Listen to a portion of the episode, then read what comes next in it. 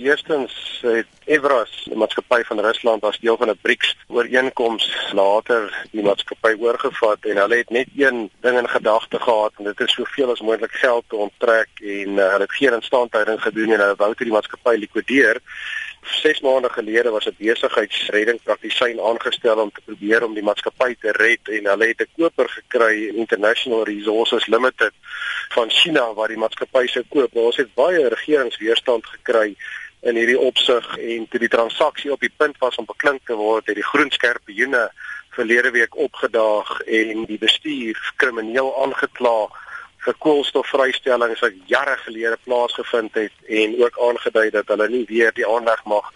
aan die gang kry voordat hulle nie aan die nuwe vereistes voldoen nie wat 800 miljoen rand gaan kos en so het die koper weggeloop. En intussen het die departement van arbeid ook skandalig opgetree en hulle het ook intussen toe die afleggingsproses begin het aangedui dat hulle 'n opleiding afleggingsskema sal befonds hulle het dit skriftelik goedgekeur en dat die werkers almal gaan opleiding kry en 'n gedeelte van hulle salaris gaan kry van die departement van arbeid. Dit het glad nie gerealiseer nie en op die einde het die maatskappy uit nog 'n addisionele 52 miljoen rand gekos en toe die skema plus die koper weg is het die maatskappy geen kontant meer oor nie en die uiteinde is dat die maatskappy moet sluit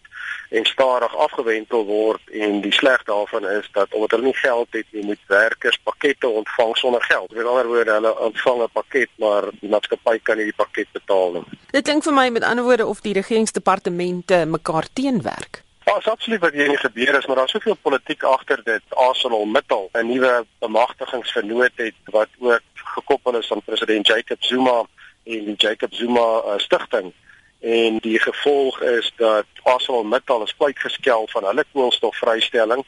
en hulle het dadelik 'n uh, aanbod gemaak om die walsery of die meule van uh, Everas Highveld staal te koop. So dit blyk dat daar was soveel politieke ry agter dit om Everas Highveld staal uit die mark uit te haal, duisende poste verloor het laat gaan, maar dit tot voordeel van 'n bemagtigingsvernoot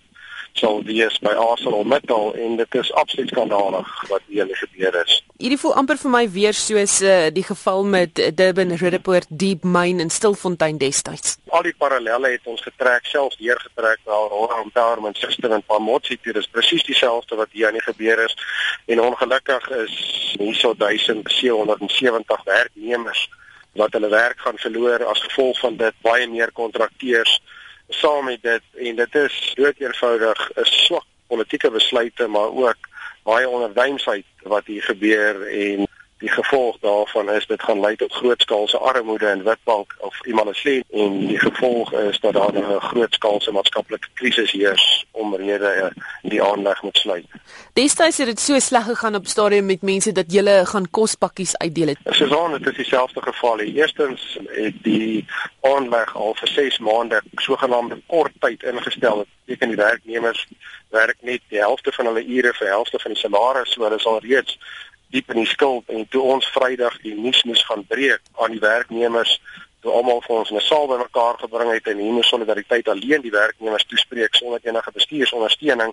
En toe van die werknemers weet gesê dat hulle grootskaalse voedselnood het dat hulle nie meer vir hulle gesin kan sorg nie en ons gaan dan van solidariteit help in 'n hand se kant af van Vrydag loods ons 'n voedselprojek waar ons die voedselnood gaan aanspreek, maar ook geestelike ondersteuning gaan gee en ook help met CV opdatering en deur soortheid help in 'n hand se diensnet program gaan pogel werk